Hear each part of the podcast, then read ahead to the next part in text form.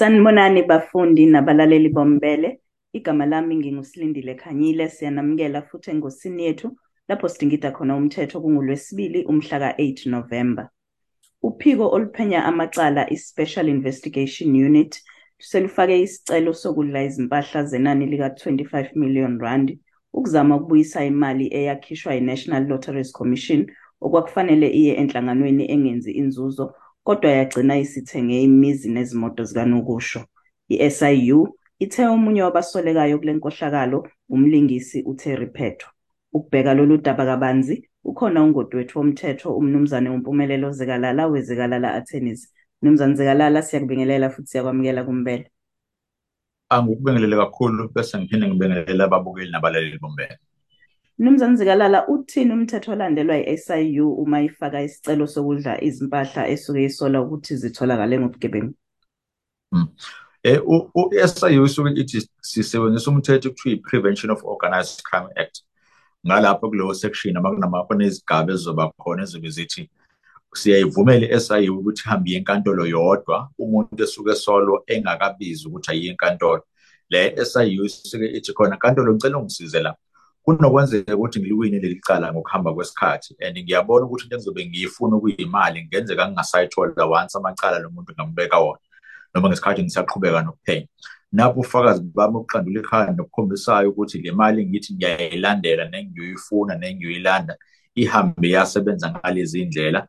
And ngiyabona ukuthi kunama-assets noma izinto lo muntu aseyithengile ey'fana ney'moto mhlawumbe nezindlu nama-shares ney'nkampani lo muntu aphathe security kuzona.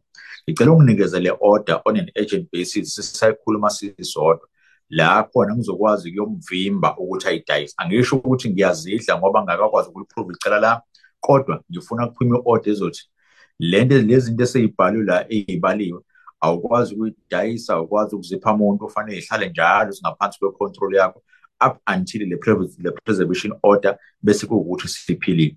Ma iphele le preservation order ilezi indlela engaphela ngayo either lo muntu okuhambe ukucole ukufaka lesi sicelo engekho ekuqaleni enkantolo uzoya enkantolo afike uyoprove ukuthi ayihlangene le mali engithenga ngayo lezi nale mali ni-investigator.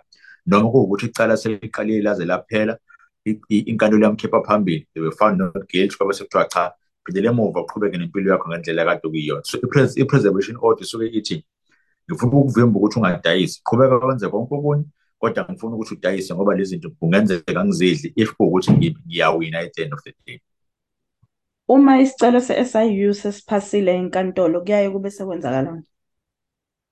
Lapho-ke ila suke sekuphuma khona le order esikhuluma ngayo. Eh ama-bank kuzophuma lo order eh lo muntu osuke aggrieved noma mhlawumbe kusuke le order ithathwe against yena naye ila soke sethola khona-ke for the very first time ukuthi awu bekhona order efana njengale bisenkantolo mina bengingazi.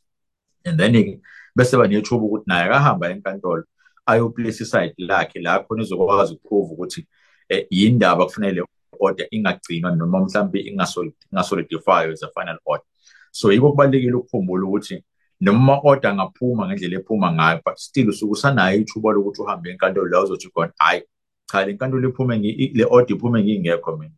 i-SIU ayi-investigatanga kahle buka la imali ithi ivele khona.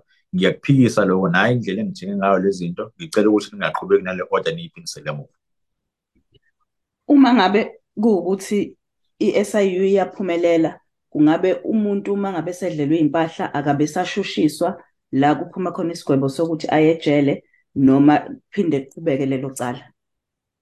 Awu liyaqhubeka. Asikhumbule ukuthi into esuke ifunwa yilo mthetho ikakhulukazi abantu abazobe beyigila mkhuba badefraude kakhulu uhulumeni nabanye abantu. Basuke bethi sifuna ukukupanisha ukuthi suke usejele noma sikuhlawulise kodwa kubalulekile sifuna ukuyi-recover le mali esikhuluma ngayo nanoma le mali akade ithinteka.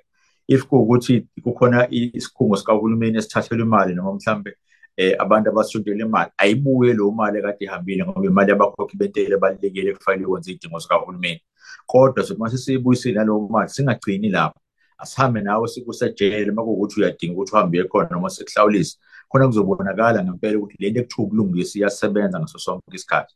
So ukuhlawulisa nokuyiswa komuntu ojele akuchazi ukuthi le nto esuke intshontshiwe usuyakwazi ukuthi uyigcine. So kufunakala konke akubuye. Khona kuzokwazi ukuthi kuyosebenza la kwakufanele ngabe kuyosebenza khona ekuqaleni Mnumzane Zikalala njenganjalo siyabonga kakhulu ngesikhathi sakho. Kubonga mina kakhulu nibe nosuku oluhle. Lowo bekungumnumzane uMpumelelo Zikalala weZikalala Attorneys siyabonga.